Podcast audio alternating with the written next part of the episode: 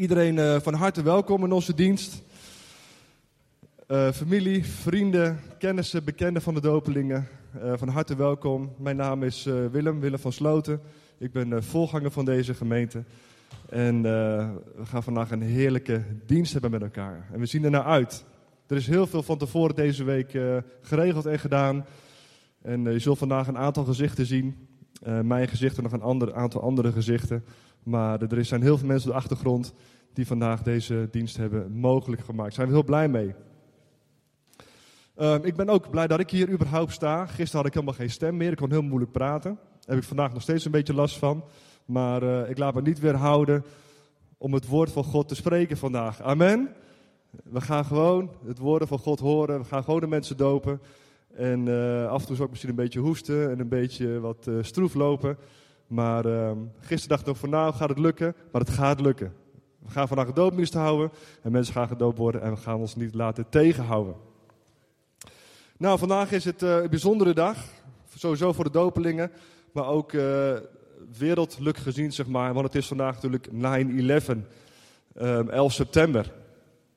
En uh, voor de mensen die dat niet meer weten, 11 september 2001 volgens mij toen werd uh, Amerika aangevallen door, uh, door een aantal vliegtuigen. Die boorden zich in de Twin Towers.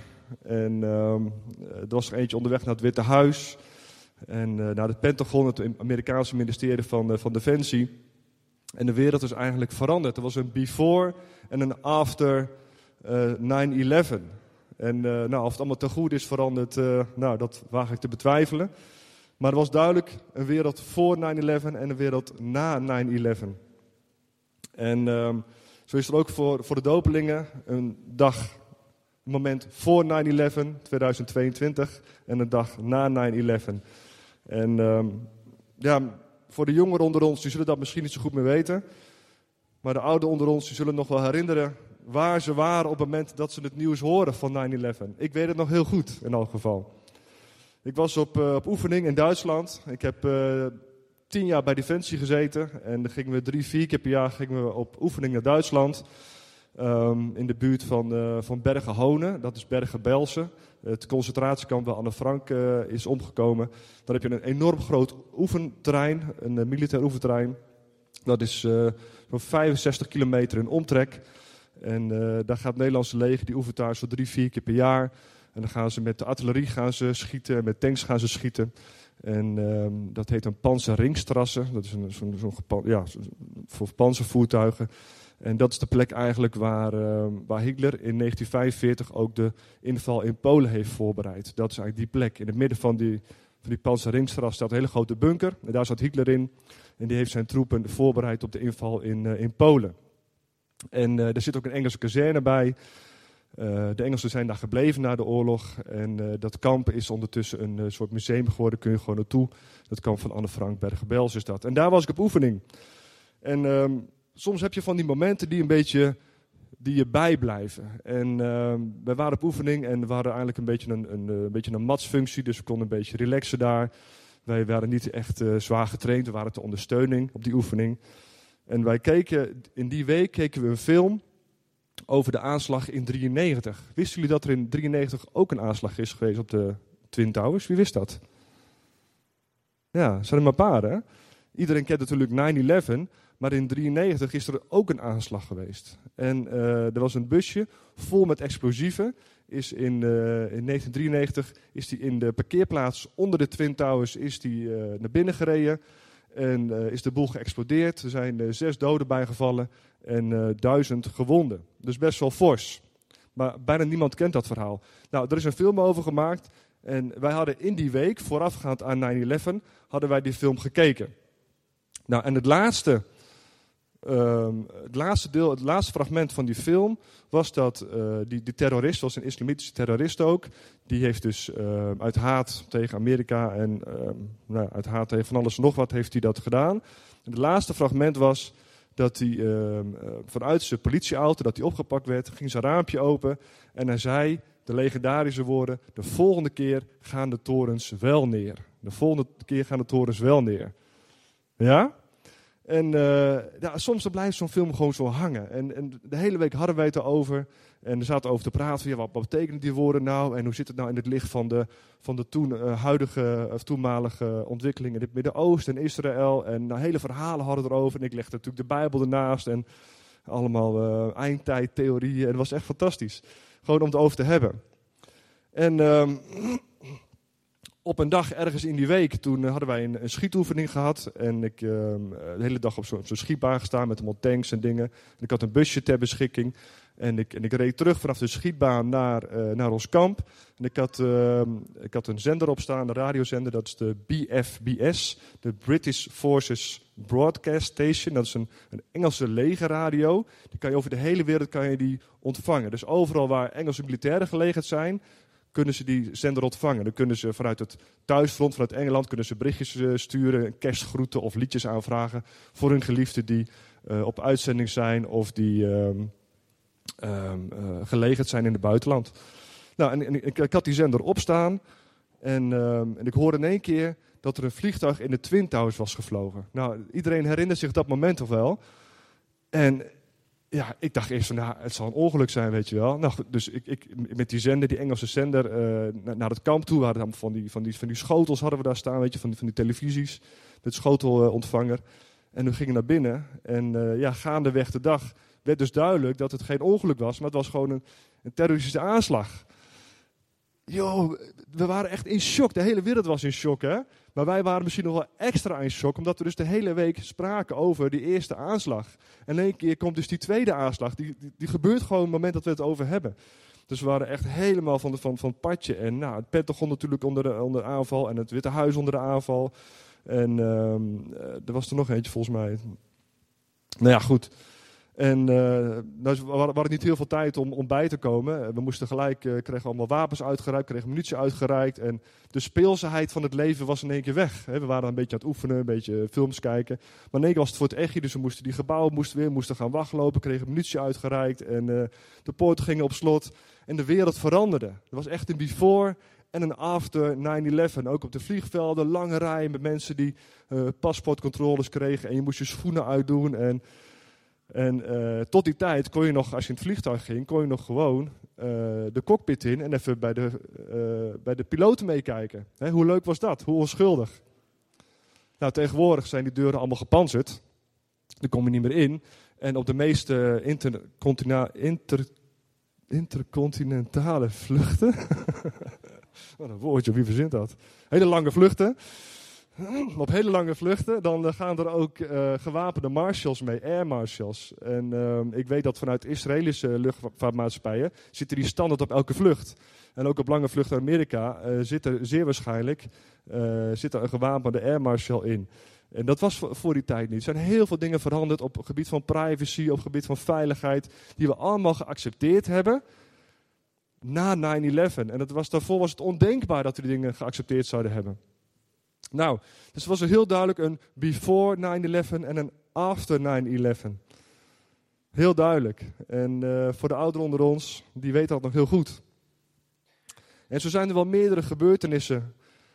Er was een before en een after. Nou, bijvoorbeeld de geboorte van Jezus is ook zo'n moment. Hè?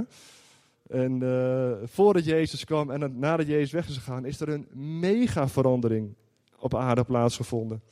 Hele gebieden kwamen onder het gezag van Jezus Christus. En vandaag de dag nog steeds. En um, we gaan eventjes uh, naar het verhaal van, uh, van Johannes de Doper.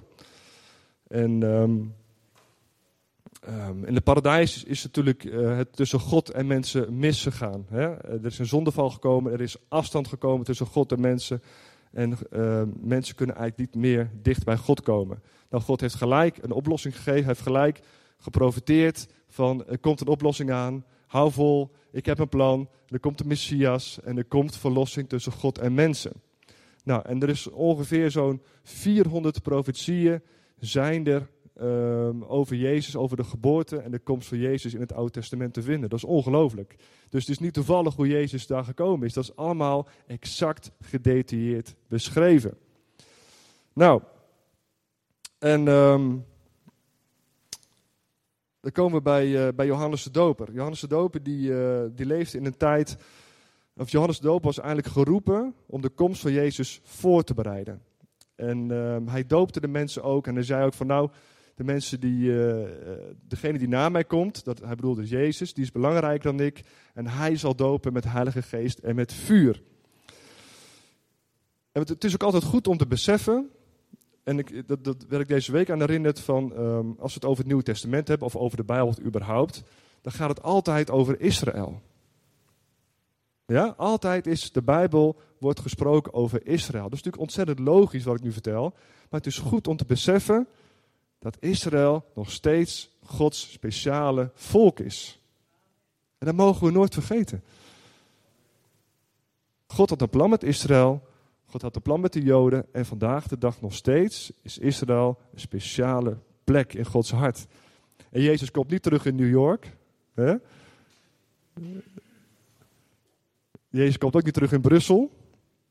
Ook niet in Amsterdam. Jezus komt terug in Jeruzalem. Jeruzalem. In de hemel komt er een nieuw New York. Nee, een nieuw Jeruzalem. Ja, er is maar één stad in de Bijbel.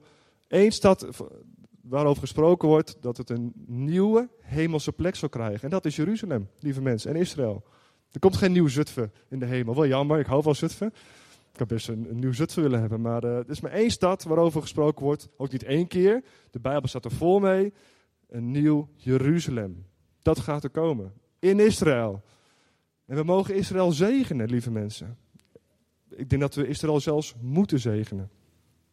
Dat is belangrijk. Het is allemaal ingewikkelde kwesties daar.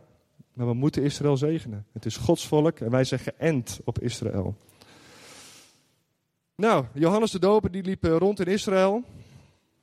En hij uh, doopte daar allerlei mensen. Het was eigenlijk nieuw, hè? dopen was nieuw. En, um, en eens kijken wat, wat uh, Johannes daar zegt. In Matthäus 3 staat dat. Johannes zegt dat ook veel fariseeërs en Sadduceërs gedoopt wilden worden. Hij zei tegen hen, jullie zijn achterbaks en slecht. Nou, heb je dat wel eens tegen de mensen om je heen gezegd? Als je hem wil overtuigen van Gods liefde?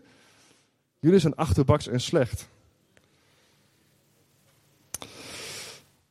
Wie heeft jullie wijs gemaakt dat jullie zo zullen kunnen ontsnappen aan de straf van God voor jullie ongehoorzaamheid? Jullie moeten niet alleen zeggen dat jullie weer gaan leven zoals God het wil, maar jullie moeten het ook doen. En denk maar niet, we stammen af van Abraham, dus het zit wel goed. Want ik zeg jullie dat God zelfs deze stenen hier kan veranderen in kinderen van Abraham. Man, die Johannes die zei wat dingen, hè? Die was, uh, die was niet bang. En ik denk van ja, misschien kunnen wij er wel een voorbeeld aan nemen. En niet dat we tegen mensen zeggen dat ze achterbak, zijn of slecht zijn.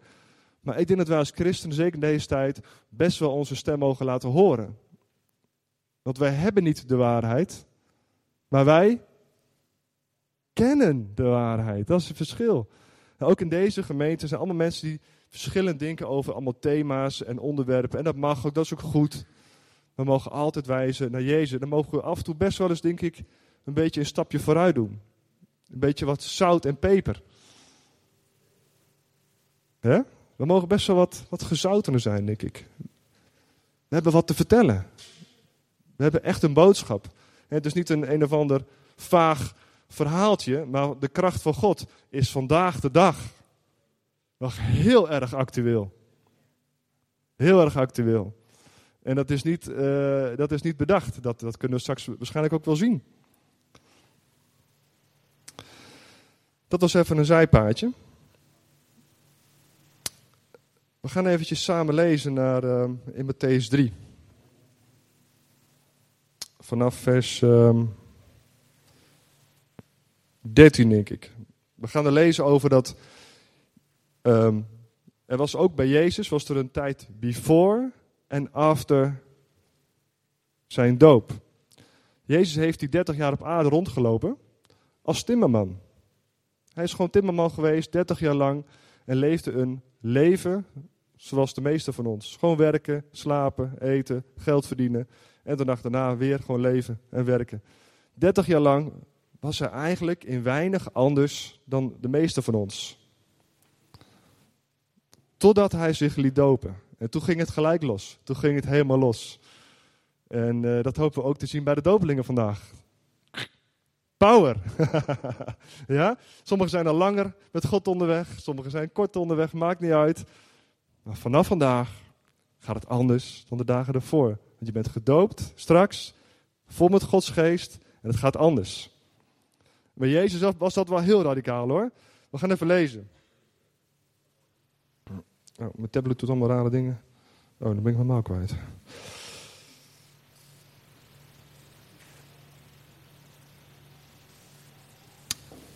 Oké.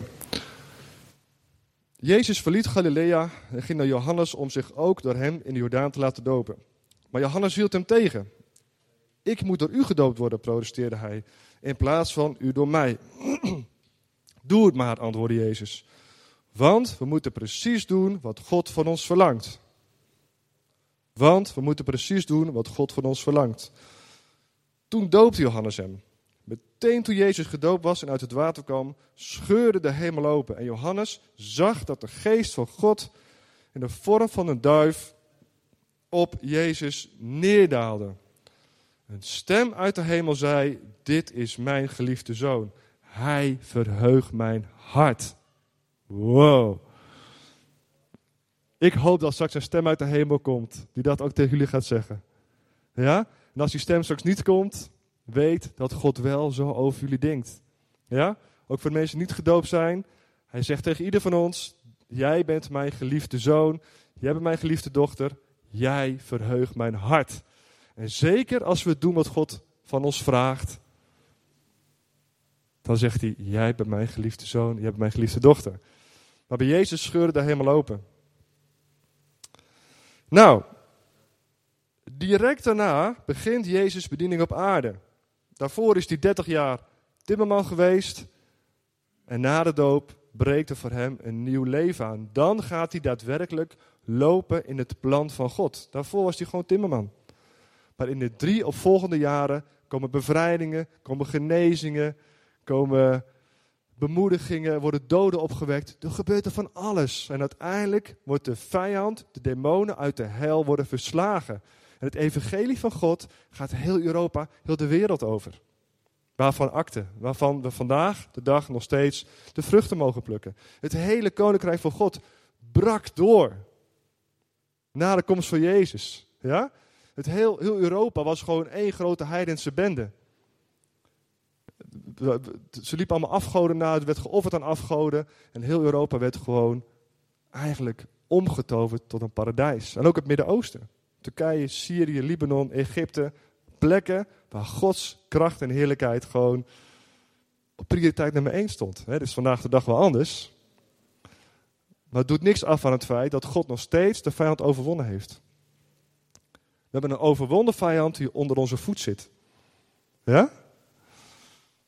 Nou, en dat moest even getest worden bij Jezus. Dus hij, werd gedoopt, er kwam een stem uit de hemel.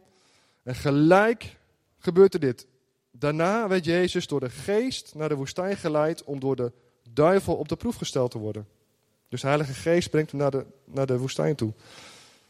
Nadat hij veertig dagen en veertig nachten gevast had, kreeg hij tenslotte honger. Op dat moment stelde de duivel hem op de proef en zei: U bent toch de zoon van God? Zeg dan dat deze stenen brood moeten worden. Nee, antwoordde Jezus, want in de boeken staat dat eten niet het belangrijkste is, maar dat de mens ook leeft van ieder woord dat God tot hem spreekt. Amen. God, we leven ook van de woorden die God tot ons spreekt. En God spreekt vandaag de dag nog steeds. Klink ik anders in één keer? Of, uh... Ja, oké. Toen nam de duivel hem mee naar het dak van de tempel in Jeruzalem. In Jeruzalem. Als u de zoon van God bent, zei hij, spring dan naar beneden. Er staat immers in de boeken dat God zijn engelen zal sturen om u te beschermen. Zij zullen u op handen dragen en u zult niet struikelen. Jezus antwoordde, er staat ook, stel de Heer uw God niet op de proef. De duivel nam hem weer mee, nu naar een hele hoge berg. Hij liet hem alle landen van de wereld zien met al hun pracht en praal. Dat zal ik je allemaal geven, zei hij, als u voor mij neerknielt en mij aanbidt. Ga weg, Satan, zei Jezus. Er staat immers in de boeken, Aanbid de Heere uw God en geef niemand anders eer. En toen liet de duivel hem met rust. En er kwamen engelen om voor Jezus te zorgen. Nou, wat een verhaal hè. Jezus wordt gedoopt, duivel komt langs en de duivel wordt gewoon verslagen, op dat moment al, door de woorden van God te spreken. Jezus ging niet in discussie, Jezus ging niet te zeggen van ja, ja, mijn zus zo, de engelen zijn er wel, maar ik mag ze niet verzoeken. Gewoon met de woorden van God de duivel gewoon zijn klep laten houden. Dat is gewoon het simpelste. Hij moet gewoon zijn klep houden. Dus dat was de eerste slag die Jezus de vijand toebracht. Uiteindelijk heeft Jezus de dood en het dodenrijk overwonnen. En um, mogen wij daarvan de vruchten plukken. De weg van ons naar God is open. Onze zonden zijn vergeven. We zijn vervuld met Gods geest, de Heilige Geest. En er kunnen wonderen gebeuren, kunnen tekenen gebeuren. Genezing, bevrijding. En de vijand is in Jezus' naam onder onze voet. Wat een verhaal. Paulus zegt de dwaasheid van het kruis. ja, dat is ook wel zo. Als je, over, als je goed over het verhaal nadenkt, dan denk je van, man, wat een verhaal. Maar het is gewoon echt. En, en, en, je kunt het pas gaan zien, je kunt het pas gaan pakken als je met God gaat wandelen. Als je God de kans geeft in je leven om te doen wat Hij wil. Als je God uitdaagt en vraagt van Heer, wilt u me laten zien dat u bestaat? Wilt u laten zien dat u nog steeds bevrijdt en geneest? Wilt u mij leiden? En dan gaat hij het ook doen. Ja? Dan gaat, God niet zeggen van nou, uh, ja, dus eens even kijken hoe lang jij wel niet kan bidden voordat ik iets ga doen. God gaat reageren. Hij wil niks anders dan een hartsrelatie met je hebben. En dat is mogelijk door het werk van Jezus. Hoe bijzonder is dat? Nou, before en after 9-11. Met de aanval op Amerika. Before en after de doop met Jezus. En nu, lieve dopelingen, een before en after jullie doop. En uh, er was een leven voor de doop. En dadelijk komt er een leven na de doop. En we doen het gewoon in Gods wil. Want Jezus zegt, wie gelooft en zich laat dopen, hè, die mag mij gaan volgen. En wij gaan gewoon doen wat Jezus van ons vraagt. Jezus vraagt, als je mij gelooft, laat je dopen. En laat je vullen met de Heilige Geest. En um, deze dag zal memorabel zijn. Het zal een before en een after zijn. Je zal zeggen, ja, deze dag is echt een omkeer geweest in mijn leven. Deze dag is een daad van gehoorzaamheid geweest. Nu ik publiekelijk het water inga, nu ik publiekelijk en openlijk mijn geloof in God beleid. En nou we straks gaan bidden met te vullen met de Heilige Geest, er gaat wat gebeuren. Het is niet een trucje of een mooie act die we opvoeren. er zijn krachten aan verbonden bij wat we doen. De kracht van God is verbonden. De liefde van God is eraan verbonden. Wij doen gewoon wat God wil. En als we dat doen, dan gaan we ook zien wat zijn wil is. Dan gaan de werken komen, gaan de tekenen komen, dan gaan de krachten komen, bevrijdingen, genezingen. En staan we anders in het leven. Nou, is het leven dan alleen maar roze geur en dat je gedoopt hebt? Helaas. Dat stond niet bij de bijsluiter. Maar God heeft ons wel beloofd dat hij altijd bij ons is. Zijn geest is in ons, die tegen ons spreekt. God is in de hemel, Jezus in de hemel, maar de Heilige Geest is in ons. En die spreekt vandaag de dag nog steeds. En dat vinden wij zo belangrijk, dat we ook meerdere keren per jaar ook trainingsdagen organiseren. Puur en alleen om mensen te trainen, om getraind te worden, om de Heilige Geest te leren kennen. 15 oktober bijvoorbeeld. 15 oktober hebben we weer een trainingsdag met eh, Jaap en Astrid Verdes. En dan willen we niks anders doen dan een hele dag mensen trainen en leren om de Heilige Geest te volgen. Want we zijn het verleerd. De kerk is het verleerd in grote delen. En ik sprak laatst ook bij een, um, bij een studentenvereniging in uh, Utrecht. En uh, daar mocht ik iets over de Heilige Geest delen. En dat waren mensen, ja, gewoon jonge lui allemaal. En dan vroeg ik ook van, wie, wie kent de stem van de Heilige Geest? Er waren zo'n 80, 90 jongeren. En uh, ik geloof dat er één of twee waren die de Heilige Geest kenden. Dus het is belangrijk dat mensen weer leren van ja, de Heilige Geest is hier. Het is niet iets van vroeger, wat vroeger was. De Heilige Geest is nog steeds hier. Hij is een trooster, hij is bemoediger. Hij vuurt je aan, hij spoort je aan, hij spreekt dagelijks zelfs. Maar we zijn verleerd om te horen hoe hij spreekt. Dus mocht je er meer van willen weten, sluit gerust 15 oktober hier aan. Want we willen je graag toerusten. Jezus zei zelfs, ik moet weggaan, zodat de Heilige Geest in jullie kan komen wonen. Jezus kon maar op één plek tegelijk zijn. Hij was gewoon fysiek. De Heilige Geest kan op alle plekken tegelijk zijn. Hij in jou, in mij, in ons allemaal. En we gaan na de doop ook bidden voor de mensen en te vullen met de Heilige Geest. Dat zal een bijzonder moment worden. Dus lieve dopelingen met name. Jullie zijn nu klaar om met God te gaan leven. En jullie zijn klaar om het water in te gaan. En um, deze dag zal memorabel zijn. Before en after 9-11. En uh, weet dat God alles heeft klaar liggen om een leven met hem te gaan leiden. Hij heeft niet gezegd van nou laat je dopen en zoek het maar uit. Nee, laat je dopen en ik geef je mijn heilige geest. Die je alles geeft, alles geeft wat je nodig hebt. Om met hem te leven. hij heeft je niet een overvloedig leven beloofd of een leven in grote overvloed met, uh, met veel Ferraris of weet ik veel wat allemaal. Hij heeft alleen gezegd, ik geef jou wat je nodig hebt. Om je leven met God te leiden. Maar hij is ook een goede vader. Hij wil je ook overvloedig zegenen. Dat is iets heel anders. Maar in de kern geeft God jou wat je nodig hebt om een leven met Hem te leiden. Dus dat belooft God. En wij als gemeente willen er ook alles aan doen om je hierbij te steunen en te helpen. Want een gemeente, dat betekent dat je samen Gods wil en Gods weg gaat zoeken. Een christen zijn kun je niet alleen.